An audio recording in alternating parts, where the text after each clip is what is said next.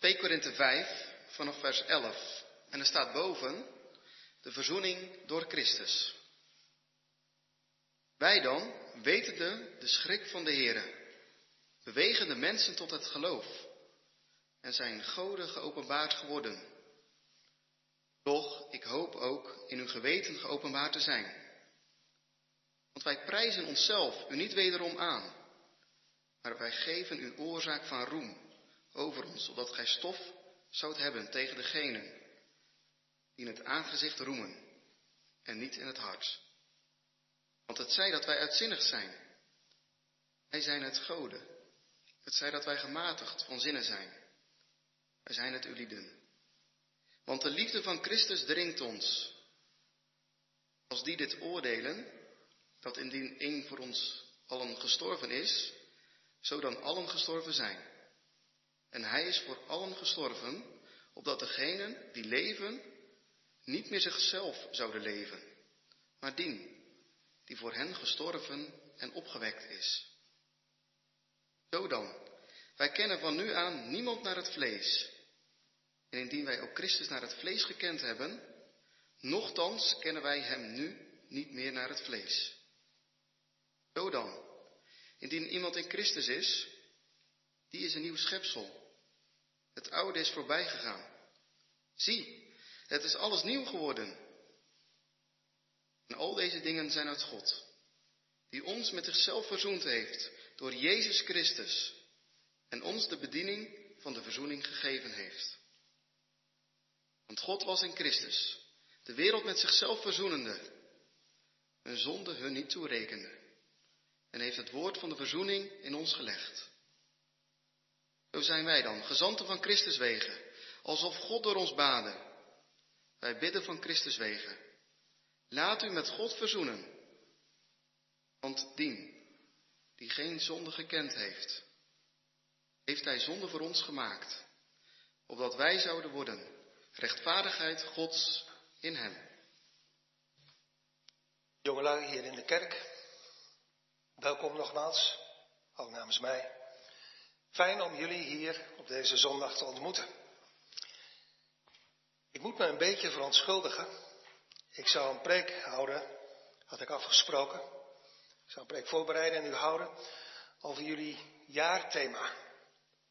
Door de drukte van de afgelopen week is het daar eigenlijk niet van gekomen om die preek voor te bereiden. Dus dat is niet gelukt. Maar ik heb wel een boodschap voor je. Ik heb een boodschap van God voor je. En ik hoop en bid dat de woorden die we samen gaan overdenken met Gods hulp, het fundament, de basis van je leven, zullen worden en je leven lang zullen blijven. Preek gaat over 2 Korinthe 5, vers 21. Het laatste vers van het stuk dat we samen gelezen hebben. 2 Korinthe 5, vers 21, waar staat, want dien die geen zonde gekend heeft, heeft hij zonde voor ons gemaakt. Opdat wij zouden worden rechtvaardigheid Gods in hem. Het gaat in deze tekst, dat is ook het thema voor de preek, om het motief, om de beweegreden, om de drijfveer van de dienst van de verzoening. Want de tekst begint met want. Dit is het motief, dit is de reden, dit is de drijfveer als wij, dienaars van Christus, jullie bidden, laat je alstublieft met God verzoenen. Want, let op drie dingen. En het zijn ook de drie punten van de preek. Let op in de eerste plaats wie Christus is. Die die geen zonde gekend heeft. Let op wie Christus is. Let op wat de Vader, God de Vader deed. Want Hij heeft Hem zonde voor ons gemaakt. En let als derde op wat de Heilige Geest ons geeft. Opdat wij zouden worden rechtvaardigheid Gods in Hem. Dus let op en onthoud drie dingen. Christus is, wat God de Vader deed en wat de Heilige Geest geeft. Jongens en meisjes thuis, de tekst die ik gelezen heb, die die geen zonde gekend heeft, heeft hij zonde voor ons gemaakt, opdat wij zouden worden rechtvaardigheid van God in hem. Die tekst, ik snap dat je dat denkt, die, die ziet er moeilijk uit. Laat ik je proberen eerst wat uit te leggen, jongens en meisjes thuis. Namelijk wat we bedoelen met wat ik net zei, met de dienst van de verzoening, met het woord van de verzoening. Denk eerst maar even aan twee heel gewone mensen. Die verschrikkelijke ruzie hebben met elkaar. Ze kunnen elkaar niet luchten of zien. Ze haten elkaar. Maar op een dag besluiten ze samen met elkaar te gaan praten. Ze gaan ergens wat drinken met elkaar en ze proberen hun ruzie op te lossen. Je zou kunnen zeggen, nou zo zeggen we dat meestal niet in het gewone leven, je zou kunnen zeggen, ze verzoenen zich met elkaar. Ze maken het weer goed met elkaar. In plaats van wat vroeger was, vijandschap, boosheid, haat, komt liefde, vrede, vriendschap. Want het is weer helemaal goed. Dat waren twee gewone mensen. Maar hier gaat het in 2 Korinthe 5 niet over twee mensen. Als het gaat om verzoening. Maar het gaat over God in de hemel. En over mensen zoals wij hier op de aarde. Mensen die goed geschapen zijn door God in het paradijs. Adam en Eva leefden in vrede met God. En toen stonden ze op tegen God. Wij werden letterlijk Gods vijanden.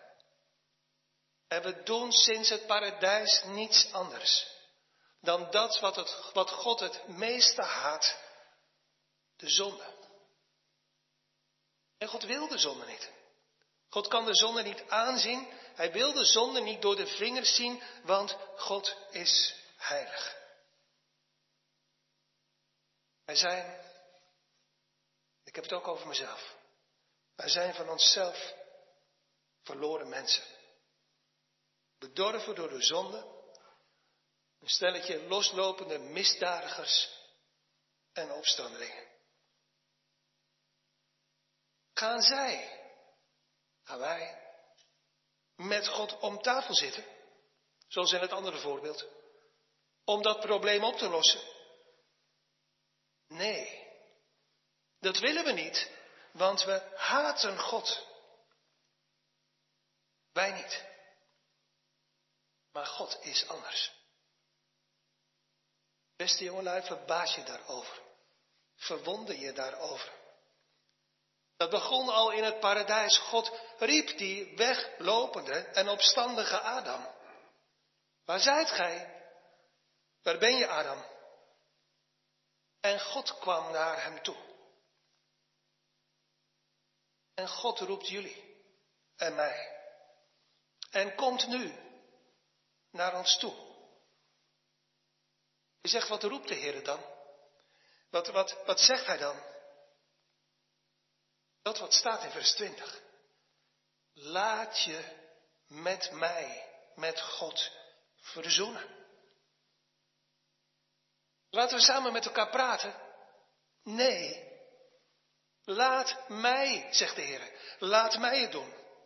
Laat mij je met God verzoenen. Laat mij alleen weer vrede maken in je hart met God. Laat mij je schuld en je zonden wegnemen. En laat mij het weer goed maken tussen God en je hart. Waar, jongens en meisjes thuis, waar zegt de Heer dat? Waar roept Hij jou, jullie en mij? Hier in de kerk. En nu in deze omstandigheden ook thuis als je met ons meekijkt. Nu. Jongens en meisjes, in de kerkdienst. Want hier is En zo noemen we dat, zo noemt de Bijbel dat, de dienst van de verzoening. Waar de Heer het helemaal goed weer wil maken.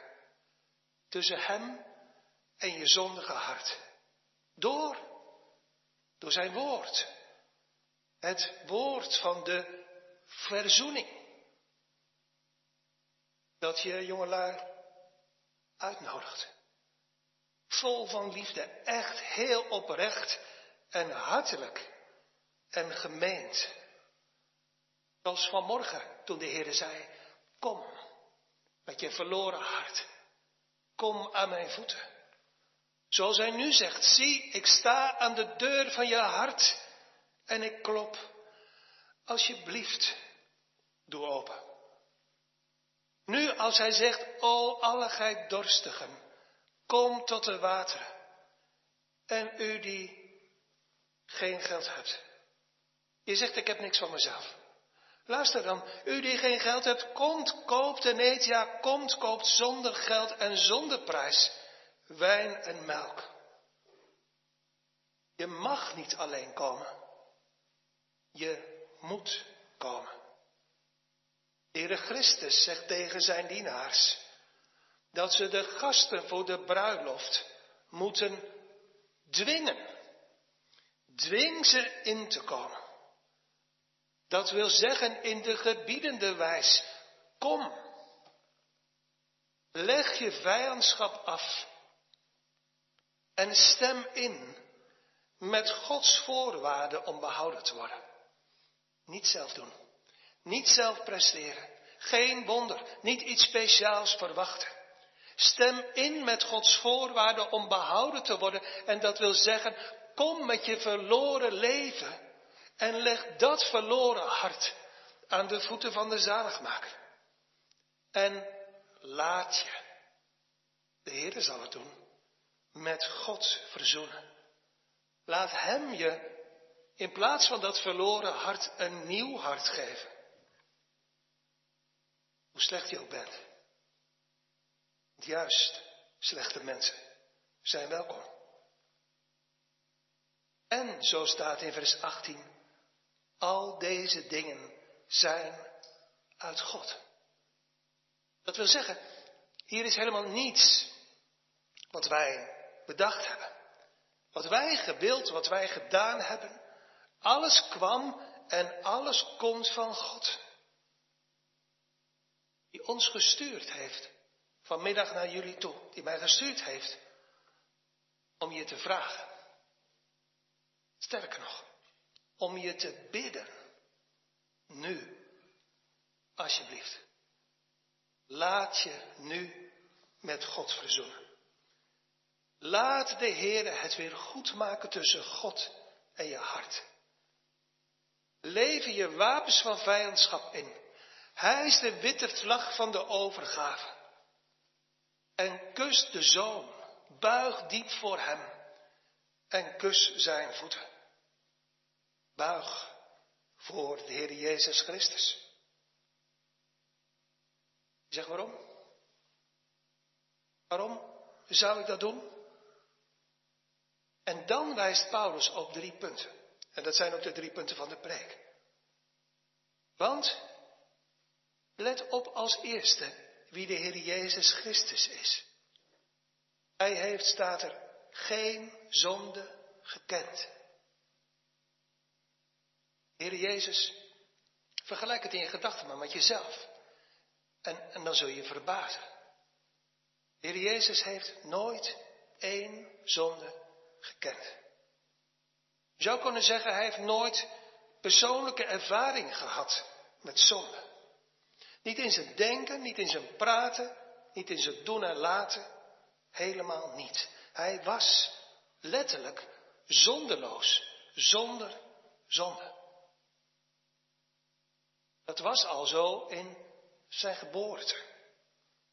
De engel Gabriel zei tegen Maria, dat heilige dat uit u geboren zal worden, zal Gods zoon genoemd worden. Hij was heilig, zonder zonde. Hij was heilig in zijn geboorte, hij was heilig in zijn leven. Staat bijvoorbeeld in Hebreeën 7, hij was heilig, onnozel, dat wil zeggen onschuldig, onbesmet, afgescheiden van de zondaars en hoger dan de hemelen geworden.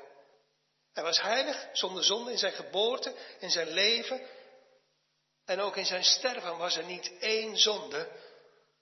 Want zo staat in de Bijbel, hij heeft zichzelf goden onstraffelijk opgeofferd. Jazeker, de duivel probeerde hem wel te verleiden tot zonde. Maar hij deed het niet. Nooit heeft de Heer Jezus één enkele zonde gedaan. Nooit gelogen. Nooit gevloekt. Nooit geroddeld. Nooit verkeerde gedachten gehad of verkeerde dingen gedaan. Hij dacht er niet aan. Hij wilde het niet. Het kwam gewoon niet op in zijn hart. Het zat gewoon niet in hem. Hij kende het niet. Hij wilde het niet. En hij deed het niet. Zei het ook van zichzelf. Wie overtuigt mij van zonde? Later in de Bijbel schrijft Petrus over hem. Hij, de Heer Jezus, heeft geen zonde gedaan. En er is nooit bedrog in zijn mond geweest. de apostel Johannes schrijft, geen zonde is in hem. De zaligmaker was zonder zonde. Waarom ik dat zo vertel? Waarom ik dat zo probeer uit te leggen? Omdat het het motief is, de drijfveer bij het woord van de verzoening. Het is de, de drangrede achter onze oproep, achter het evangeliebevel. Laat je toch alstublieft, alsjeblieft jongelui, met God verzoenen. Want Denk na. Luister. Kijk, eerst naar jezelf en dan naar Jezus. Wie ben jij? Wie zijn wij? Wat voor soort van mensen zijn wij? David zegt, ik ben in zonde, zo vroeg begon het al, ontvangen en in ongerechtigheid geboren. Paulus zegt later in de Bijbel, wij hebben allemaal gezondigd en missen de heerlijkheid van God. Ons hart, laten we dan maar eerlijk zijn, is een bron van één en al zonde, waar altijd weer opnieuw zonde naar boven komt. En ons leven is misvormd. Of je er nu netjes uitziet of niet. Het is misvormd door duizend zonden. We zijn, zijn corrupt. We zijn verloren. Onbekwaam tot enig geestelijk goed. Je bent, ik ben. Wij zijn voor onszelf één en al zonde. Alleen kan zijn, je kent je eigen hart hopelijk een beetje. Alleen het kan zijn dat je ja, dat je dat met je verstand misschien wel toegeeft, want het staat in de Bijbel, maar dat je dat voor jezelf zo niet ziet en voelt. Want we zijn van onszelf ook nog blind. Geestelijk blind. Het is nodig dat de Heer onze ogen opent. Dat is ook het werk van de Heer Jezus. En genade geeft om, om het te zien. En ook echt te geloven en te erkennen. Ja, Heer, het is waar. Ik ben verloren. Ik ben letterlijk zonde. En ik ben van mezelf, dat zie ik en dat ervaar ik, dat voel ik ook, ook nooit meer in staat om het zelf goed te maken. Je kan het proberen, misschien heb je het wel geprobeerd, maar, maar het mislukt. Misschien is in je hart, dat hoop ik, het gebed wel van de dichter, van de catechismus. Is er nog een weg, heren? Om die welverdiende straf te ontgaan en tot genade te komen. Is er? Is er een oplossing? Is er een weg? Ja, kijk. Want jij bent zonde en ik ben zonde. Maar kijk naar Hem. Wat een gepaste zaligmaker is Jezus. Voor een zondig mens, zoals ik, zoals jullie. Gepast in de eerste plaats omdat Hij mens geworden is. Maar gepast vooral, daarom past het zo goed. Omdat Hij, in tegenstelling tot mij, omdat Hij nooit zonde gekend heeft.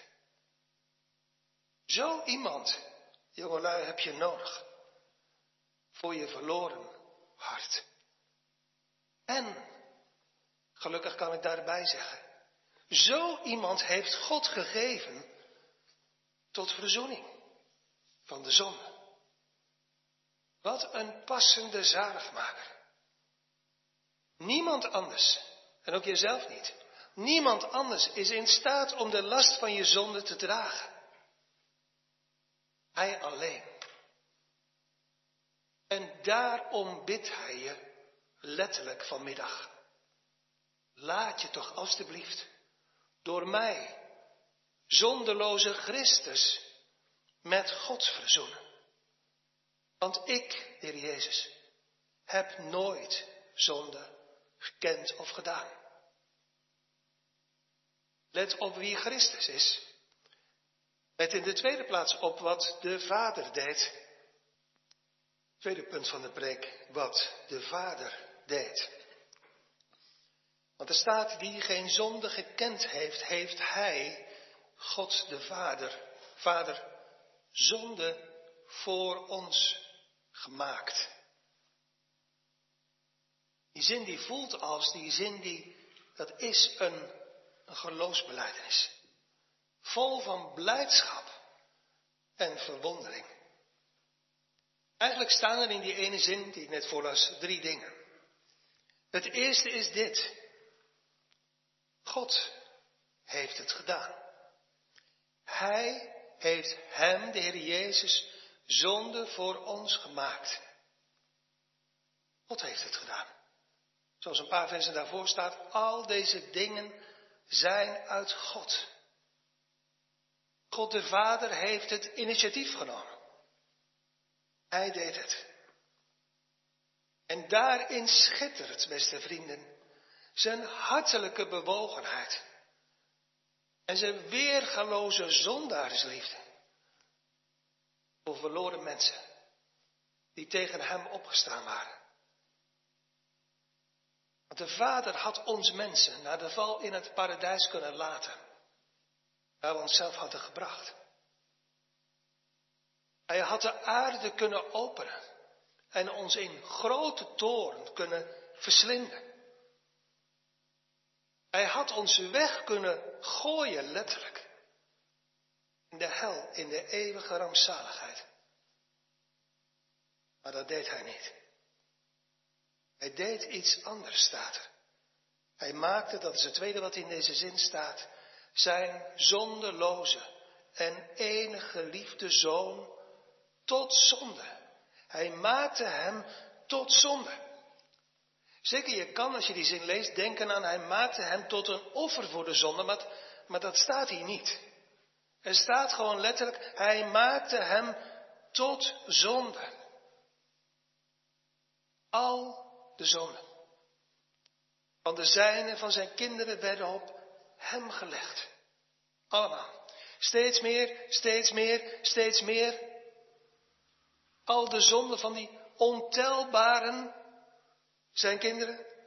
En ieder heeft weer ontelbare zonde, een schuld die hemelhoog is. En dat alles werd, staat op hem gelegd.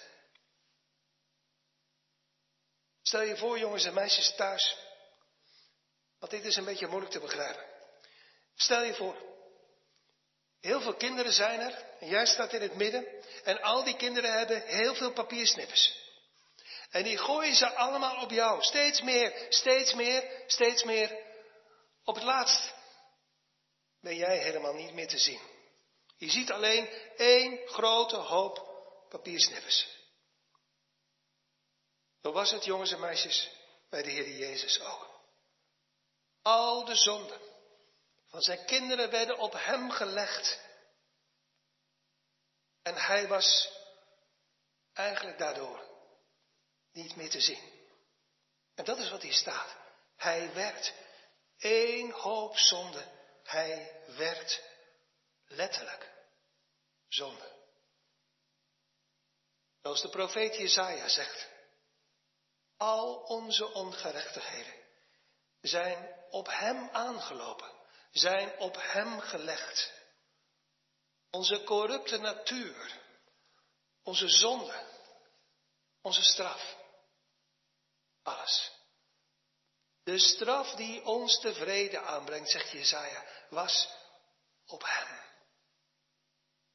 En zo werd hij, onze lieve Heere en Zaligmaker, Jezus Christus, zijn leven lang, van zijn wieg, van de kribbe tot het kruis, maar vooral aan het einde van zijn leven, in Gethsemane en op Golgotha, door God de Vader, uit de hemel gezien en behandeld in onze plaats, dat is wat er staat, als zonde. Alsof hij precies gelijk was, zegt Spurgeon, aan dat giftige, God hatende en zielsverwoestende ding dat zonde genoemd wordt. Dominee McChain zegt, God heeft al onze zonden op zijn zoon geladen, totdat er niets anders meer dan zonde te zien was. Hij leek één en al zonde. Niets was er, schrijft hij, van zijn schoonheid te bekennen. God beschouwde hem alsof hij geheel en al zonde was. Van zijn schoonheid en heerlijkheid, waar ik in het begin iets over zei, als zonderloze zoon van God. Er is niets meer te zien. Er is niets meer te bekennen. Hij liet zich bedolven worden vrijwillig onder de schuld en de zonden van al de zijnen. En droeg die vrijwillig, maar meer nog met al de liefde van zijn hart. Al onze zonden, heel onze straf. Toen zijn lichaam gebroken werd en zijn bloed vergoten werd aan het kruis. En toen hij in de diepste ervaring van zijn hart als mens door God verlaten moest uitroepen. Mijn God, mijn God, waarom hebt u mij, zonderloze Jezus, verlaten? Op Golgotha lijkt zijn schoonheid als zonderloze zaligmaker. Weg, verloren. Maar wonder van Gods eeuwige wijsheid daar ontvouwt zich juist, daar onthult hij juist aan het kruis op Golgotha zijn schoonheid, zijn heerlijkheid, zijn kostbaarheid als middelaar en zaligmaker. In het staan, in onze plaats, in het dragen van de striemen van onze straf. De schoonheid de heerlijkheid, de kostbaarheid van zijn gebroken lichaam en zijn vergoten bloed schittert aan het kruis. Maar als het ware vandaan geroepen wordt, ik zonderloze voor u, daar u anders de eeuwige dood had moeten sterven.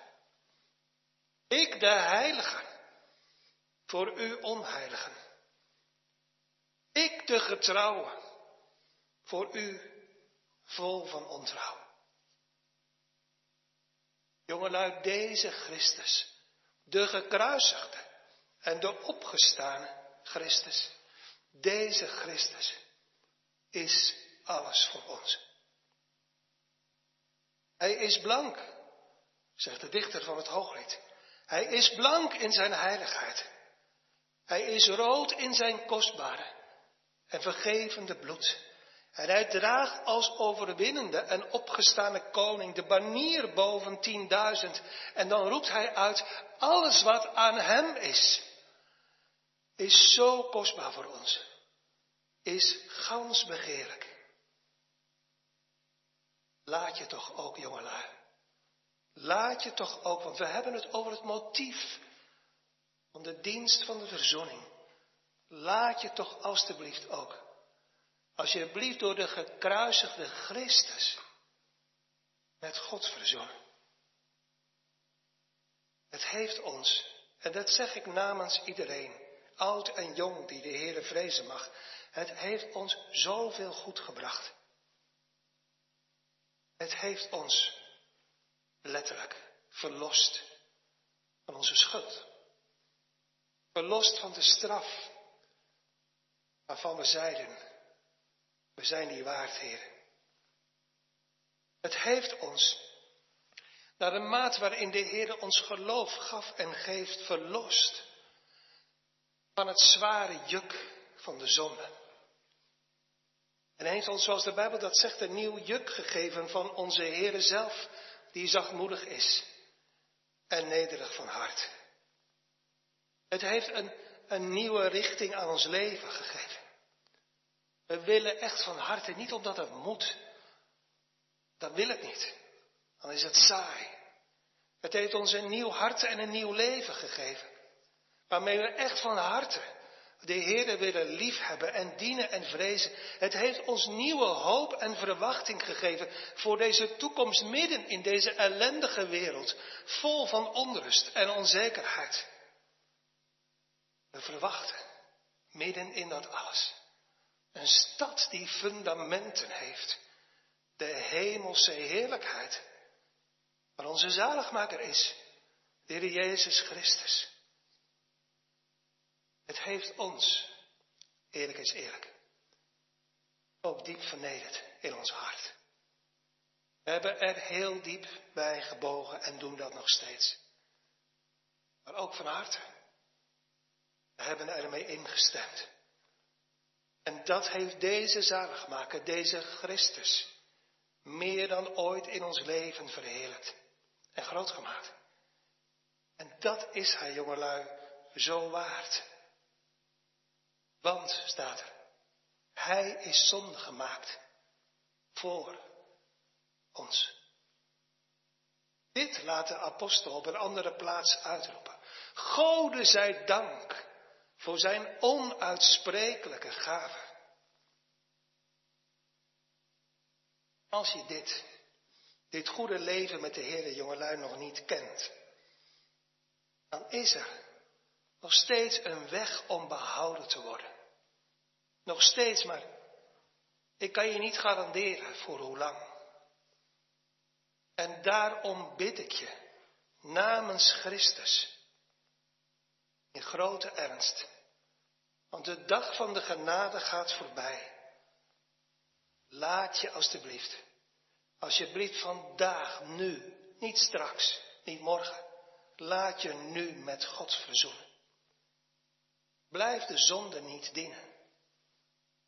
Blijf het ook niet zelf proberen, want het gaat je toch niet lukken. Stem alsjeblieft van harte in je hart in met Gods plan tot redding en behoud van zondaars. Laat je hemelhoge schuld, laat je zonden van je afnemen. En leg die op het hoofd van het Lam Gods, de Heer Jezus Christus. Kom, buig voor Hem, die je bidt. We gaan verder met punt 3 van de preek, wat de Heilige Geest ons geeft. Wat hij geeft, dat staat er, opdat wij zouden worden rechtvaardigheid Gods in hem. Moeilijke zin, jongens en meisjes thuis. Je moet even in gedachten terugdenken aan het voorbeeld van die papiersnippers. Die allerlei kinderen over je heen strooien. Op laatst ben je één grote hoop snippers. Die zitten van top tot teen letterlijk onder. Onder de zonde. Je bent één en al zonde. Maar En daar gaat het hier over. Als de Heer je geloof geeft, als Hij je een nieuw hart geeft, dan legt Hij daarover iets heen. Hij legt er iets overheen, Hij bedekt je met iets en dat iets, dat noemt de Bijbel het kleed van Zijn gerechtigheid. En jij met al je zonden zit daar dus onder.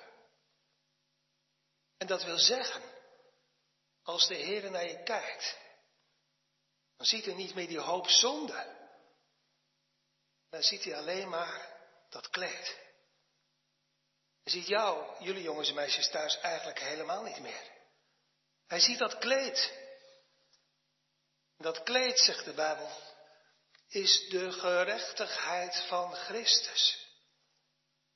Alles wat de Heer door zijn gehoorzaamheid in zijn leven en door zijn sterven aan het kruis verdiend heeft, sterker nog, dat kleed is hoe Hij is voor God. Als de Heer zonder de Heer Jezus, jongelui, naar ons kijkt, ziet hij één grote hoop en niets anders. Eén grote hoop zonde. Maar als hij met of door de Heer Jezus daartussen naar ons kijkt, ziet hij ons niet meer. Maar dan ziet hij de Heer Jezus. In wie, zegt de Bijbel, geen vlek of rimpel is. Dan ziet hij de Heer Jezus, die de profeet noemt de Heere onze gerechtigheid.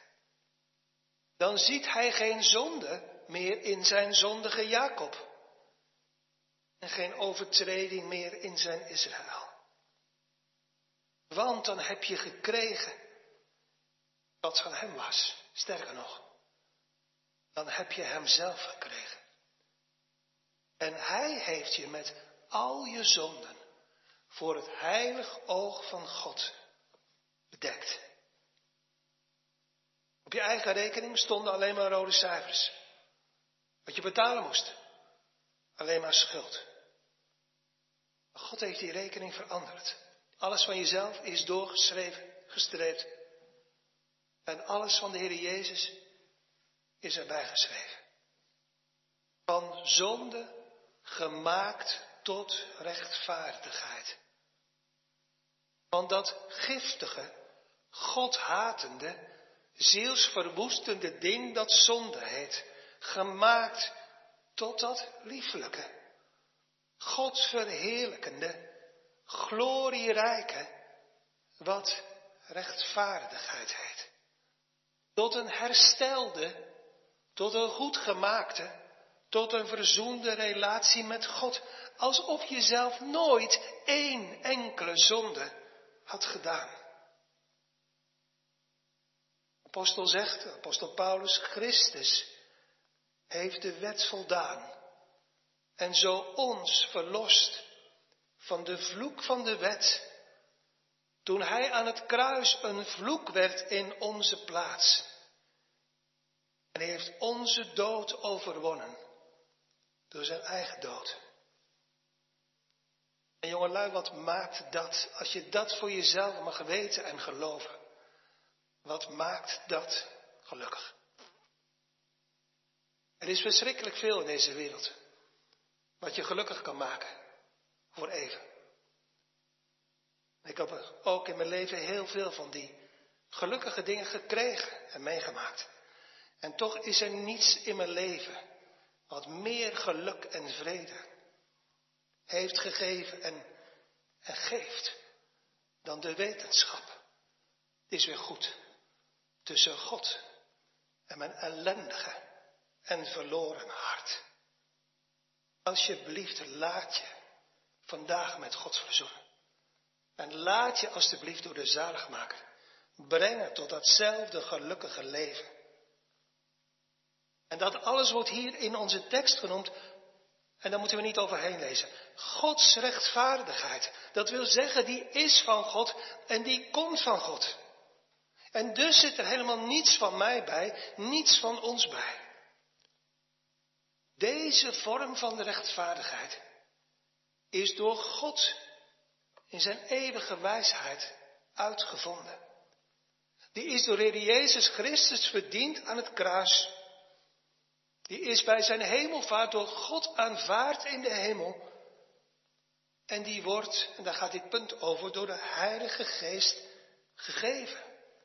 En dus staat er, Christus is zonde voor ons gemaakt, opdat wij zouden worden rechtvaardigheid Gods in Hem, in Christus.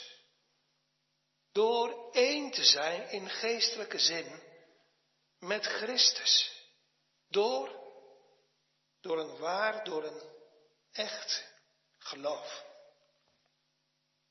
En daar komt het dus, jongelui, in je leven op aan. Op het antwoord op de vraag heb ik zelf. En denk daar nu alsjeblieft even over na.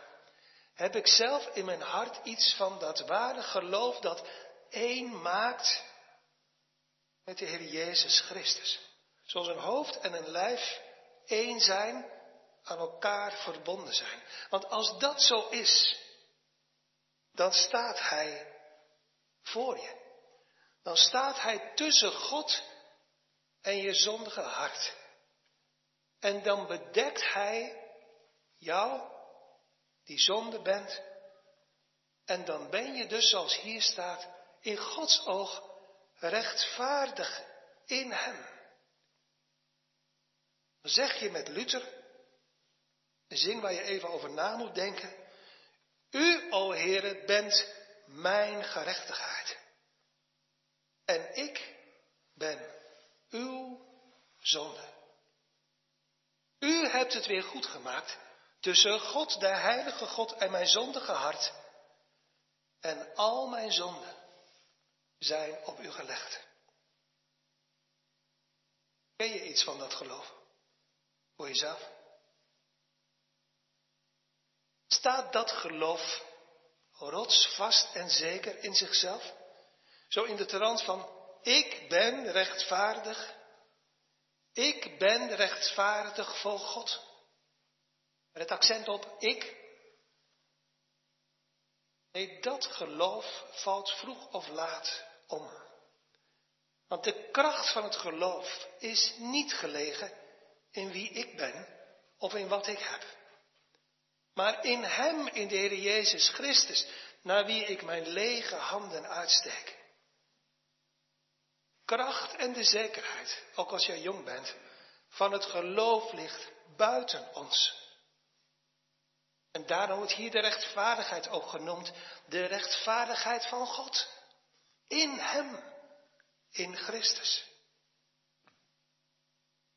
Dat echte, dat oprechte geloof wordt vaak ook, misschien wel juist, in harten van jongeren, als de Heer dat werkt, aangevochten en bestreden. Zoals bijvoorbeeld staat in zondag 23 van de catechismus. Mijn geweten klaagt me aan. Ik heb alweer gezondigd. Mijn geweten klaagt me aan dat ik tegen al Gods geboden van 1 tot en met 10 zwaar gezondigd en geen van die gehouden heb. En dat ik nog steeds altijd iedere dag tot alle boosheid, tot alle zonde geneigd ben. De duivel belaagt me, probeert me te verlokken, te verleiden tot zonde. En je voelt in je eigen hart dat je in jezelf geen kracht hebt, ondanks al je goede voornemens, om één ogenblik, letterlijk, overeind te blijven.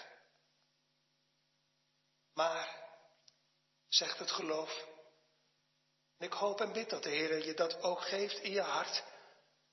Maar, zegt het geloof, alle dingen zijn niet uit mij, maar zijn uit God.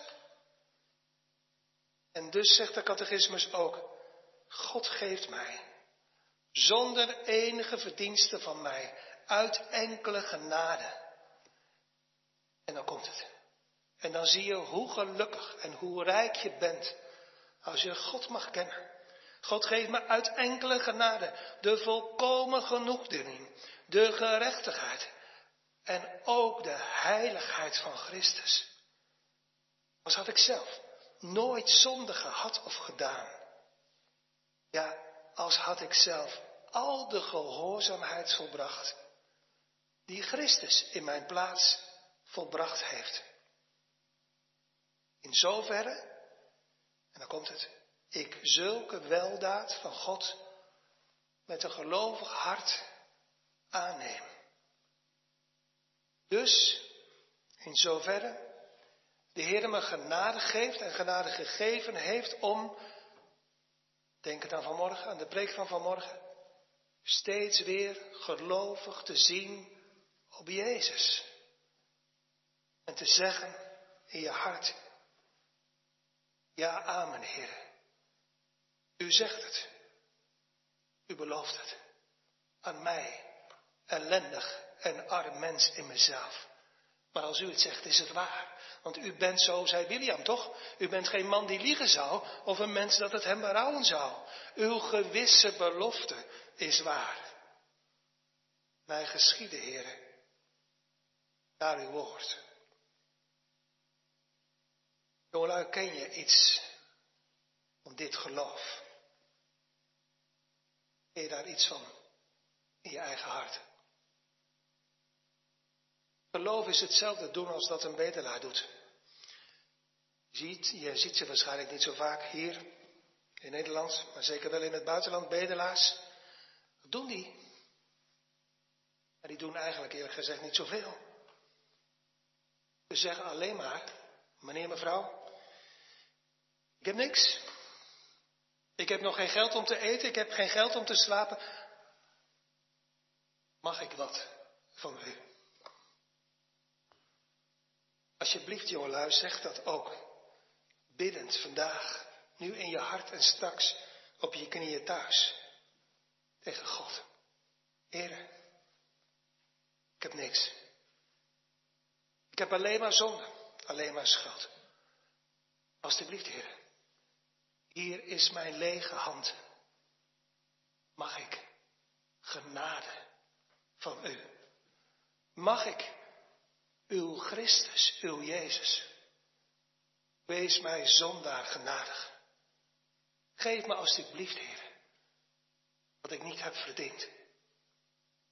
Zulke gebeden, jongelui, zal God zeker verhoren. Bent u gemeente thuis iets van dit geloof? Van dat geloof wat aan de Heer Jezus verbindt.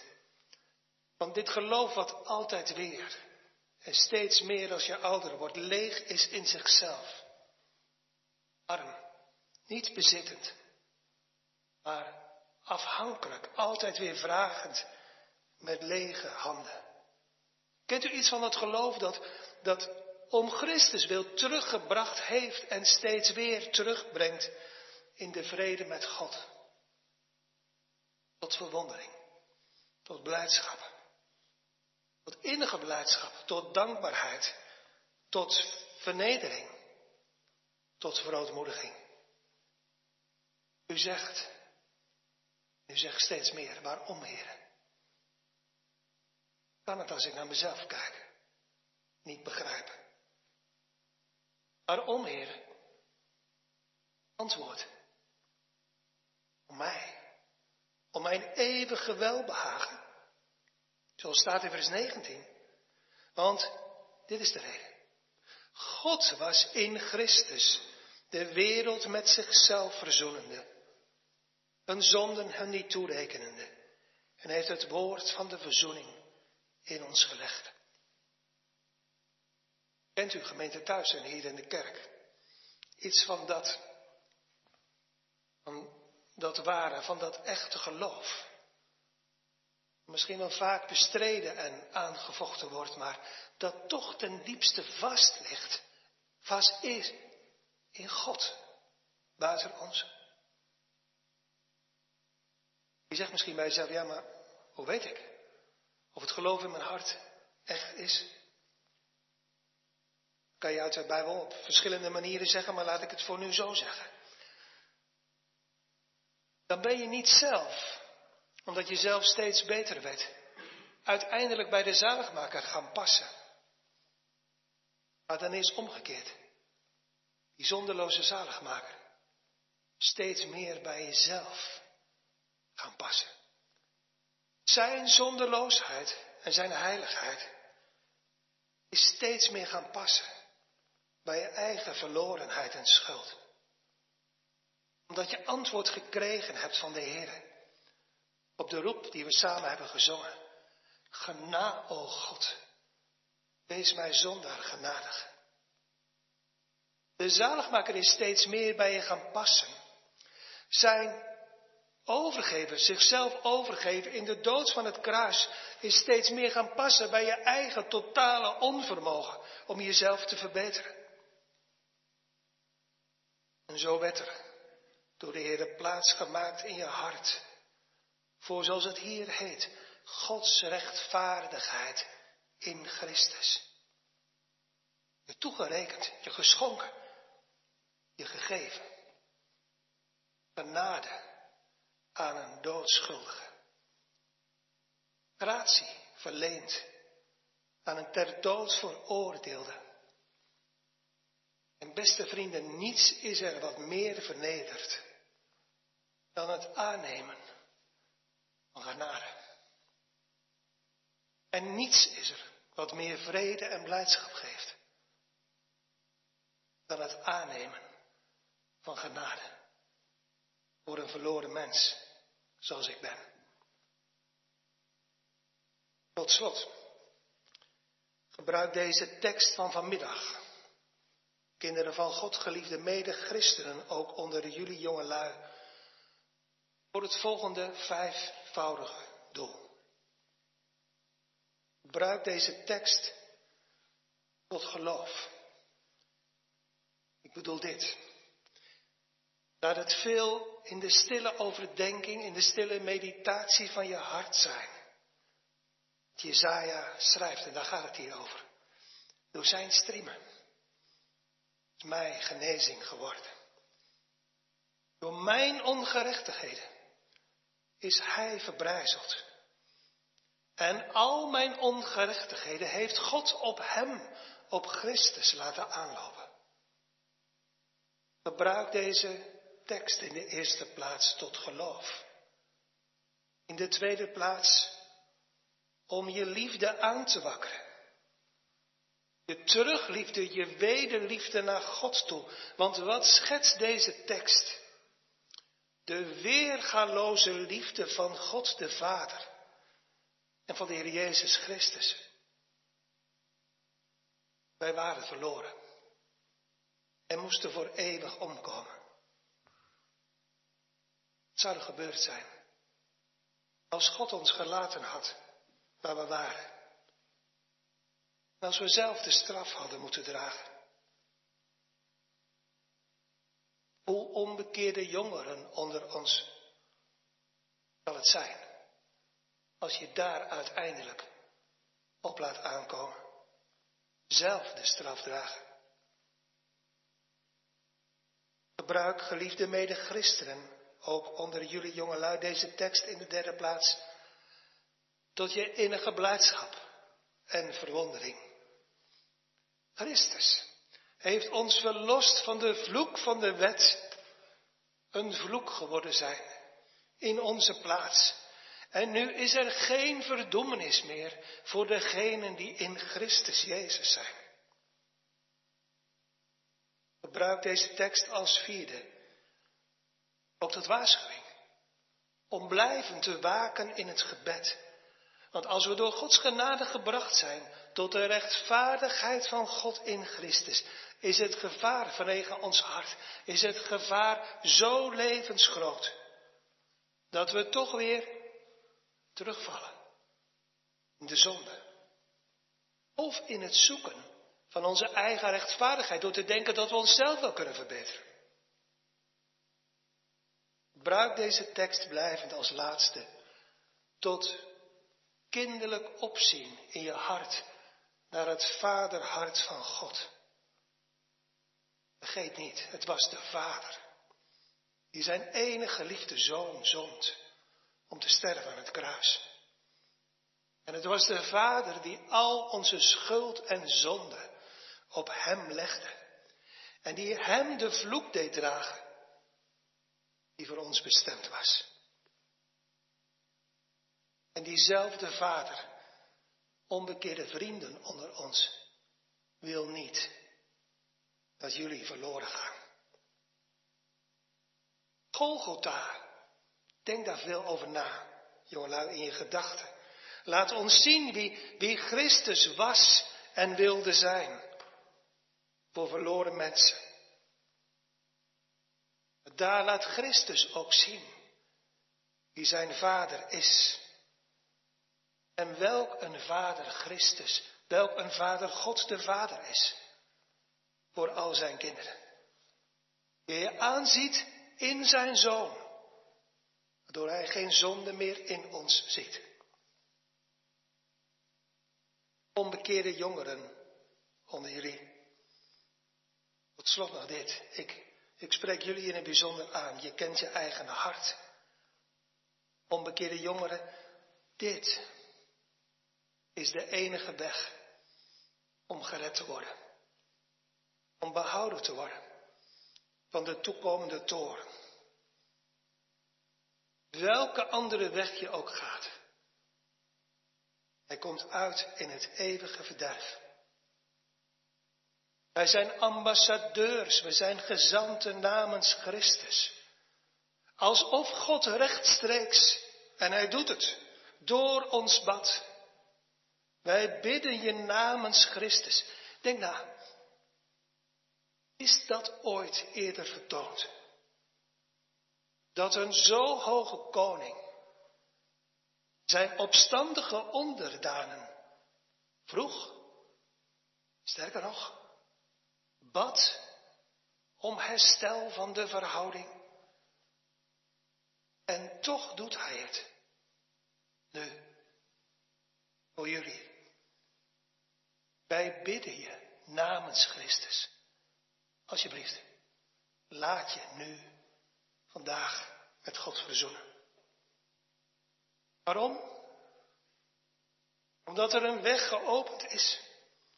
Een weg die God glorie toebrengt. Die Christus verheerlijkt. En die je de eeuwige zaligheid wil geven. Een zalig leven hier. En een zalig sterven in de toekomst. Want die, die geen zonde gekend heeft, heeft God zonde voor ons gemaakt. Opdat wij zouden worden rechtvaardigheid Gods in Hem. Alsjeblieft, verhard je hart niet. Maar laat je nu, voordat het te laat is, met God verzoenen. Amen.